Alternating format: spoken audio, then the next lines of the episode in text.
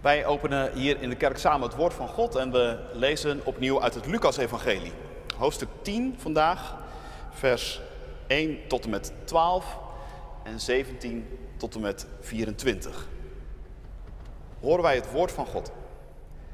Daarna stelde de Heer 72 anderen aan, die hij twee aan twee voor zich uitzond naar iedere stad en plaats waar hij van plan was heen te gaan. Hij zei tegen hen, de oogst is groot, maar arbeiders zijn er weinig. Vraag dus de eigenaar van de oogst of hij arbeiders wil sturen om de oogst binnen te halen. Ga op weg en bedenk wel, ik zend jullie als lammeren onder de wolven. Neem geen geldbuidel, geen reistas en geen sandalen mee en groet onderweg niemand. Als jullie een huis binnengaan, zeg dan eerst vrede voor dit huis. En als er een vredelievend mens woont, zal jullie vrede met hem zijn. Zo niet, dan zal die vrede bij je terugkeren. Blijf in dat huis. Eet en drink wat men je aanbiedt, want de arbeider is zijn loon waard. Ga niet van het ene huis naar het andere. En als jullie een stad binnengaan en daar welkom zijn, eet dan wat je wordt voorgezet.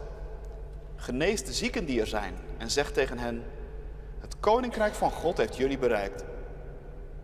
Maar als jullie een stad binnengaan waar je niet welkom bent, trek dan door de straten en zeg: Zelfs het stof van uw stad dat aan onze voeten kleeft, vegen we van ons af, als aanklacht tegen u. Maar bedenk wel, het koninkrijk van God is nabij. Ik zeg jullie, het lot van Sodom zal op die dag draaglijker zijn dan het lot van die stad. De 72 keerden vol vreugde terug en zeiden: Heer, zelfs de demonen onderwerpen zich aan ons bij het horen van uw naam.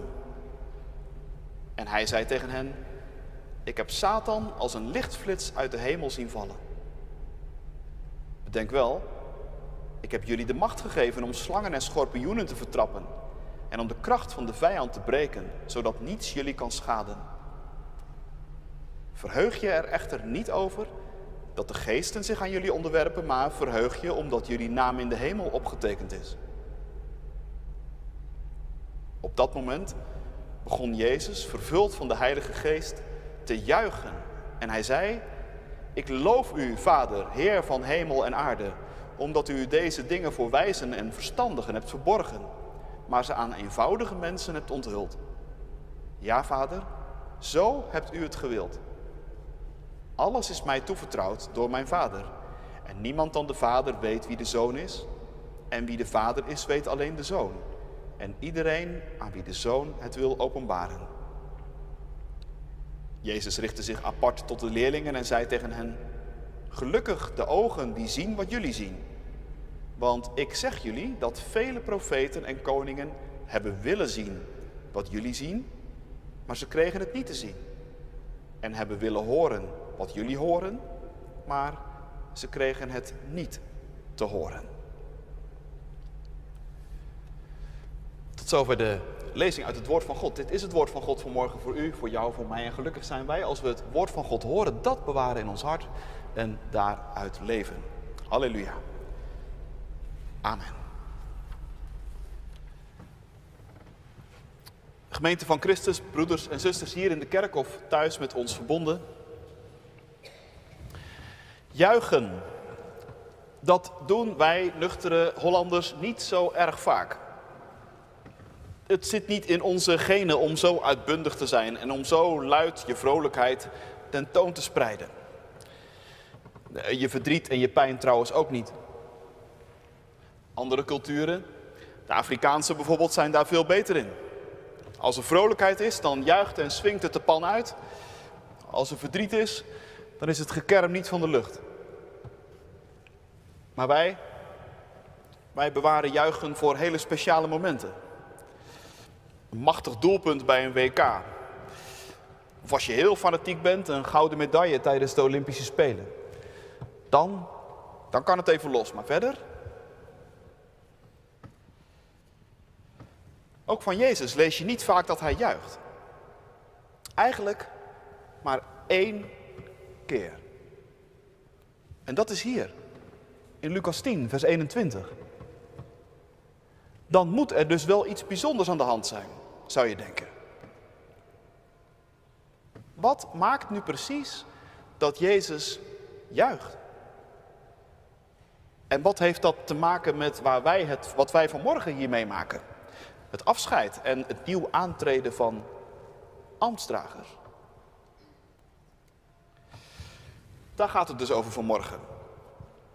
En laten we bij het begin beginnen. Want Lucas begint hoofdstuk 10 met het woord daarna. Daarna stelde Jezus nog 72 anderen aan. Zo'n woordje als daarna, dat is een aanwijzing dat je even moet terugkijken om te kijken wat er hiervoor gebeurde. En wat blijkt? In het vorige hoofdstuk is Jezus op weg naar Jeruzalem. En op die reis komt hij met zijn leerlingen door een Samaritaans dorp, in de hoop dat hij daar onderdak vindt voor de nacht. Maar dat mislukt. Een slaapplaats wordt hem en zijn leerlingen daar geweigerd. Keihard. De mensen in dat dorp, die zeggen gewoon nee. Nee tegen Jezus, we moeten u niet hebben. Geen Jezus in ons dorp. Wij hebben zo onze eigen gedachten en onze eigen ideeën en gewoontes. En daar past geen Jezus in. Wij zitten niet op u te wachten. Daarna gebeuren er wat dingen rondom mensen die Jezus wel willen volgen. Maar zij willen dat nog even uitstellen. De een wil eerst zijn familie gedag zeggen, de ander moet zijn vader begraven. Je zou dus denken, niet echt smoesjes. Maar toch zegt Jezus, het is nu of niet. Morgen ben ik weer verder getrokken. En de vraag voor jou is, ga je mee of blijf je achter? Je merkt, in die gang van Jezus zit een heleboel ernst. Wij zingen graag over Jezus die ons niet alleen laat en die altijd voor ons zorgt. En dat moeten we ook zeker blijven doen. Maar er is ook een andere kant. Er zijn ook momenten in onze levens, dan plaatst Jezus ons voor een keuze. En dan is het ja of nee. Dan is het nu meegaan of achterblijven. Zo'n moment hebben jullie in de afgelopen maanden ook beleefd, Agnita en Evertine. Toen er ineens zomaar, out of the blue zou je kunnen zeggen, iemand belde met de mededeling: De kerkraad heeft je benoemd in het ambt van diaken. Dat is voor jullie zo'n ja of nee moment geweest. Een moment waarop Jezus via de gemeente tegen jullie zei: Ga je mee of niet? Je moet nu kiezen. En jullie hebben gekozen. Je hebt ja gezegd. Wij gaan mee, heb je gezegd. Wij beseffen dat er een serieus appel op ons wordt gedaan. En deze keer hebben wij geen reden om dat aan ons voorbij te laten gaan. En Leenhard, jij hoorde dat appel voor de tweede keer. En je zei ook, ja, ik ga nog een keer mee. Prachtig eigenlijk, dat er in de gemeente momenten zijn waarop dit soort dingen zomaar ineens even heel zichtbaar worden. Hoe zoiets werkt.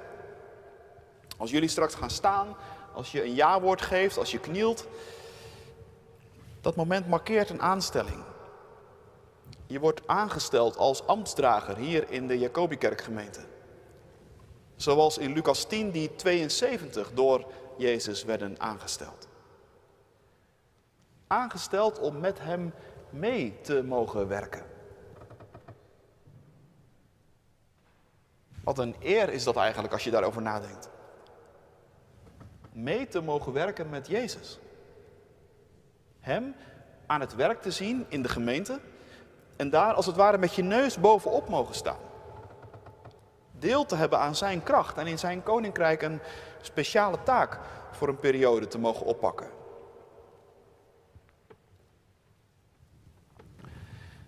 Heel opvallend. Er staat dat Jezus die 72 voor zich uit stuurt. Meestal gaat het over mensen die Jezus volgen. Hij voorop en dan zij achter hem aan. Meekijken, leren, bewonderen. Maar hier worden mensen twee aan twee vooruit gestuurd. Zij moeten naar plekken waar Jezus kennelijk nog niet is. Er wordt van hen gevraagd om het peloton als het ware even achter zich te laten en een poosje op kop te gaan rijden.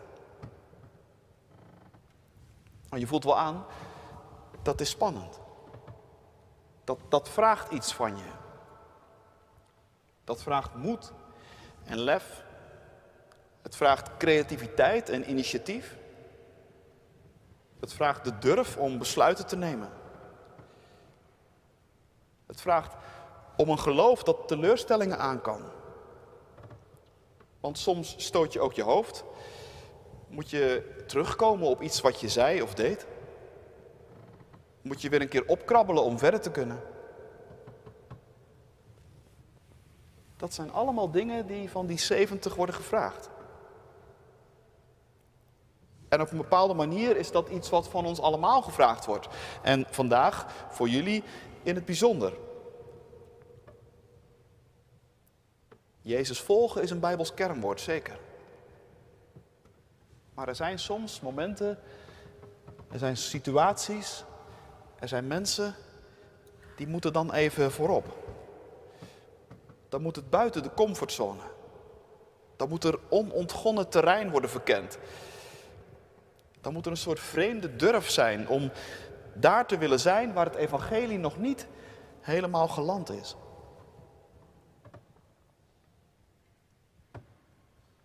Nou, je voelt natuurlijk wel aan. Dat, dat zijn geen dingen die je zomaar even doet. Amstdrager zijn begint niet op een vrije middag waarop je denkt, nou, wat zal ik het komende jaar eens oppakken? Weet je wat? Ik word Amstdrager. Nee, dat proces begint helemaal aan de andere kant. Het proces begint, denk ik, met gebed in de gemeente. En daarmee gebeurt dan ook precies wat Jezus in dit stuk opdraagt. Bid de Heer van de oogst, zegt hij, dat hij arbeiders stuurt om die oogst binnen te halen. En sturen, dat is nog een beetje zachtjes uitgedrukt. Er staat een woord dat betekent eigenlijk uitstoten. Bid dat Jezus arbeiders in zijn oogst uitstoot. Echt een sterk woord dus. Nu, blijkbaar kun je dat dus ook verwachten als je als gemeente in gebed gaat voor dat soort dingen. Dat God soms op een hele duidelijke en krachtige manier aan mensen duidelijk maakt. Nu jij. Nu is het jouw beurt om een tijdje voorop te lopen. Ga op pad. Ik zend jullie.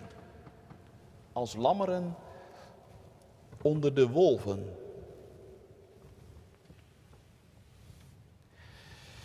Ja, zo zegt Jezus dat, als lammeren onder de wolven. En dan kan ik me voorstellen dat je dat best een beetje een vreemde uitdrukking vindt. Want wat bedoelt Jezus daarmee? Probeert hij wat angst te zaaien?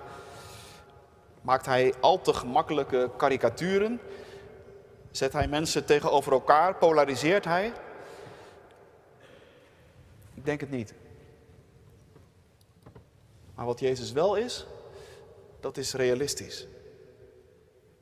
Hij weet als geen ander dat je, als je in Gods naam op pad gaat, dat je dan ook tegenkrachten zult ontmoeten. Kapotmakende en verscheurende krachten, zoals wolven kapotmakende en verscheurende dieren kunnen zijn.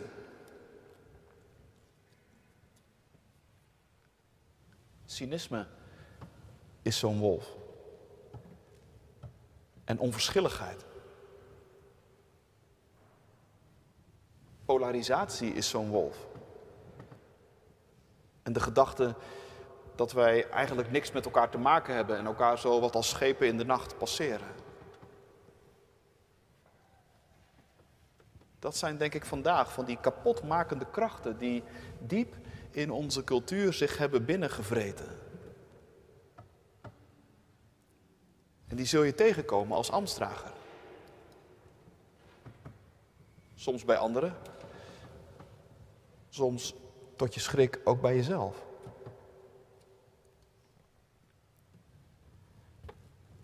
En nu zegt Jezus dat je onder die wolven als een lam bent. Dat betekent dus dat je voor dat soort krachten niet immuun bent. Want een lam, laten we eerlijk zijn, is geen krachtpatser. Een lam is kwetsbaar en raakbaar. En daarom wil Jezus dat je daarop voorbereid bent. En geeft Hij je vanmorgen ook als het ware reisinstructies mee. En die zijn fascinerend. Want je zou na zo'n explosieve zin over een lam en wolven, zou je verwachten dat er een, dat er een, heel, een heel protocol komt. Een heel pak papier met allerlei aanwijzingen. Allerlei manieren waarop je je kunt wapenen. Allerlei manieren die je kunnen helpen om conflicten te beheersen. Om spanningen te neutraliseren. Aanwijzingen, stappenplannen, cursussen, terugkomdagen. Dat soort dingen. Daar denken wij aan als het spannend wordt. Maar nee, het is niets van dat alles. Jezus' eerste advies is juist licht reizen. Op je blote voeten, zonder koffer, met open vizier. Je voelt het wel aan. Er zit in deze hele missie heel veel kwetsbaarheid. Want als je zelf niet veel dingen bij je hebt, dan heb je automatisch heel veel van anderen nodig. Als je geen schoenen aan hebt, geen koffer bij je hebt en geen eten, betekent dat eigenlijk dat je je maximaal afhankelijk maakt van anderen. En dat lijkt ergens wel de bedoeling te zijn in dit gedeelte. Nou denk ik niet dat je vanaf vandaag op blote voeten door de stad zou moeten gaan. Hoewel dat best wel eens interessant zou kunnen zijn om te doen. Het zal ongetwijfeld boeiende ontmoetingen en gesprekken opleveren. Maar de kern van deze woorden lijkt me toch dit. In al ons bezig zijn voor God en voor zijn koninkrijk moet dus een bepaalde weerloosheid zitten. Dat is volgens Jezus de manier waarop het evangelie in onze harten en in onze levens wil binnenkomen. Wie in Jezus' naam op pad gaat, die komt niet als een vertegenwoordiger die een product wil slijten, maar die komt als een kwetsbaar iemand. Die eigenlijk niets anders aan te bieden heeft dan de vrede van Christus.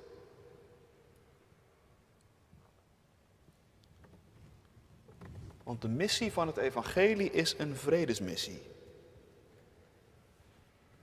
En, blijkt uit dit stuk, die missie die gebeurt daar waar het echte leven gebeurt. In huizen, aan tafels, bij ontmoetingen. Daar waar blijkt hoe bang en eenzaam een mens kan zijn.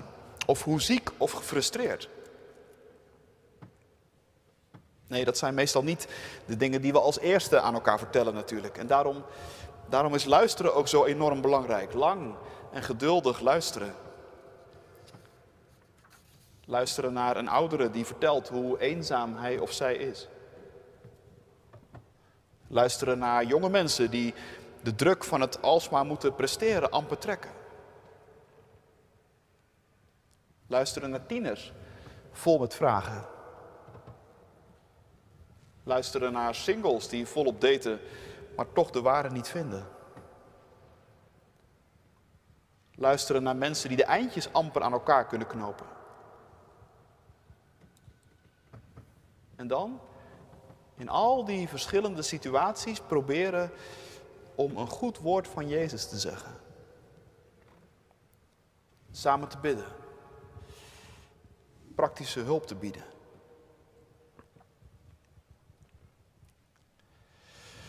Nu ja, je voelt wel aan, daar past geen haast bij. Daarom zegt Jezus het ook zo in vers 7. Ga niet te snel van het ene huis naar het andere. Blijf, eet mee. Ontdek met elkaar, midden in het gewone leven, met alles erop en eraan, dat er bij God een vrede is die alle verstand te boven gaat.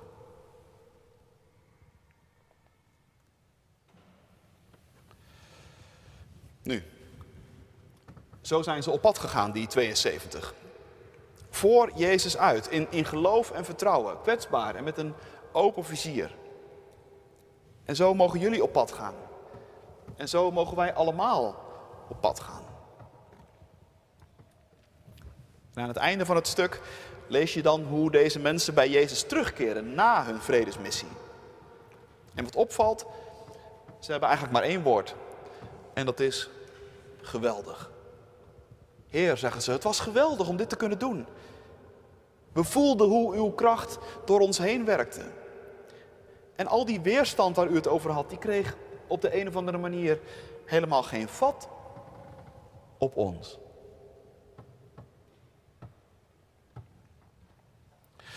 Nou Wendy, ik denk dat jij vanmorgen iets daarvan zou kunnen beamen. Jij bent vanmorgen als het ware een van die teruggekeerden. Zes jaar geleden stond je op en gaf je je ja-woord en voelde je het appel dat er op je leven gedaan werd. En vandaag keer je als het ware bij Jezus terug. En vraagt hij vanmorgen, hoe was het? Hoe was het om zes jaar diaken te zijn? Afgelopen maandag vertelde je daar iets over tegen ons in de kerkraad. En er werd ook iets verteld over hoe de andere diakenen jou als diaken hebben meegemaakt. En wat me opviel, dat was de verwondering en de dankbaarheid. Jij vertelde hoe het diaken zijn je geloof verdiepte, veranderde en versterkte. Anderen vertelden hoe ze opknapten van jouw toewijding, je daadkracht en je tomeloze energie.